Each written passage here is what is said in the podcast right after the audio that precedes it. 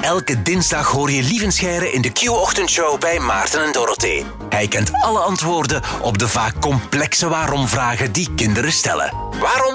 Daarom. Kinderen die door hun eh, waarom-fase gaan, die stellen soms vragen waar je als eh, volwassene het antwoord heel vaak niet op kent. Maar nochtans zijn dat vaak wel eh, interessante dingen om te weten voor jong en oud. Absoluut. En de waarom-vragen zijn nog altijd niet op. Werkzekerheid dus voor Lieven Scheire. Goedemorgen, Lieven. Een goedemorgen. Belangrijke dag vandaag. Do is jarig. Do. Do? Dorothy. Nee, Do. Do.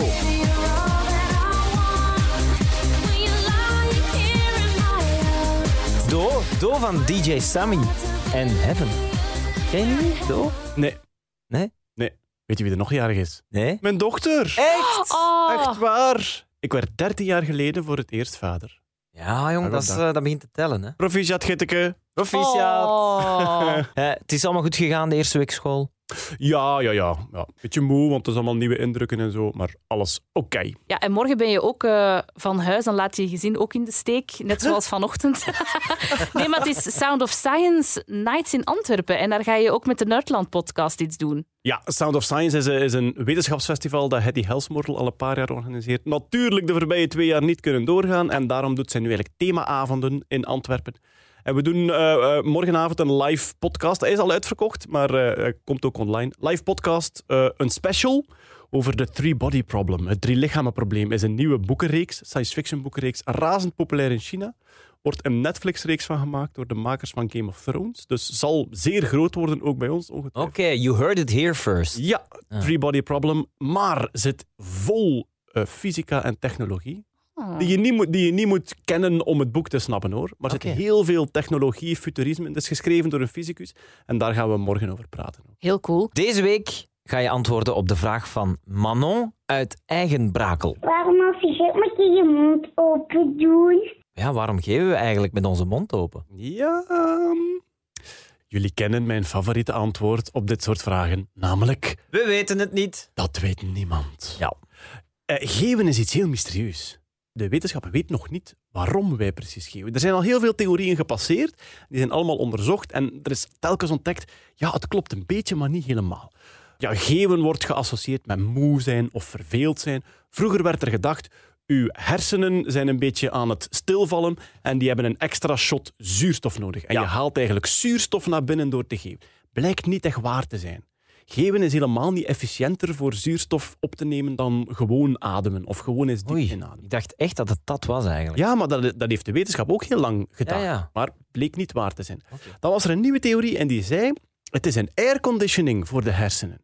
Door die mond zo wijd open te doen en daar zo een langdurige luchtstroom langs te laten gaan, heb je. Want ja, we weten allemaal dat er een temperatuursverbinding is tussen ons verhemelte en onze hersenen. Dat hebben we al gemerkt als we te snel ijsjes aan het eten waren. Ah, ja, ja, ja. Hè, De brain freeze. En wat bijvoorbeeld helpt tegen een brain freeze, is uw tong tegen uw verhemelte duwen. Oké. Dus dachten ze, geven is een airco voor de hersenen. Alles valt daar een beetje stil. We moeten dat terug ja, wat koelte toewuiven. En dat doen we door te geven. Is ook onderzocht. Ja, lijkt ook weer een beetje zo te zijn, maar ook weer niet zo supergoed te werken. Dus waarom we precies geven, is nog niet zeker. Wat ze momenteel denken, is dat dat op zich wel die functies had. Misschien een beetje zuurstof, misschien een beetje temperatuur. Maar dat geven, zeker bij mensen en ook bij andere zoogdieren, vooral een soort sociale functie gekregen heeft. Dat wij door te geven eigenlijk iets laten zien aan de groep. Eh, meestal, we zijn rustig, het is oké, het is chill. Soms ook, we zijn moe.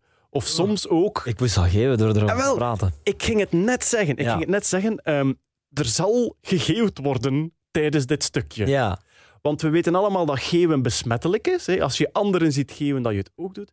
Wat blijkt? Zelfs lezen over geven doet mensen geven. Raar, hè? En het is dus vandaar waarschijnlijk een beetje die sociale functie. We denken daar niet bij na. Hè? Dat is een instinct. hè. Dat is evolutionair gegroeid. Je kan het ook niet doen, hè? Je kan ook niet zeggen, ik ga nu geven. Inderdaad, ja. Moeilijk. Dus je laat dat een beetje zien aan de groep. Ik ben een beetje loom en moe. En als de rest van de groep denkt van... Goh, ik zit wel mee in die vibe. Dan, dan geven die terug. Alweer, we denken daar niet over na. Dat is een volledig onbewust proces. Er is ook onderzocht, hoe beter dat je iemand kent, hoe meer je iemand vertrouwt, hoe meer kans dat je teruggeeft. Ja, dus Oké. iemand die je eigenlijk niet echt Dus kan uitstaan. Het feit dat wij nu niet teruggeven bij Maarten wil iets zeggen. dan. Dat is dus omdat ik aan het praten ben en ik ben het ook echt aan het inhouden. ik, voel hem, ik voel hem klaar.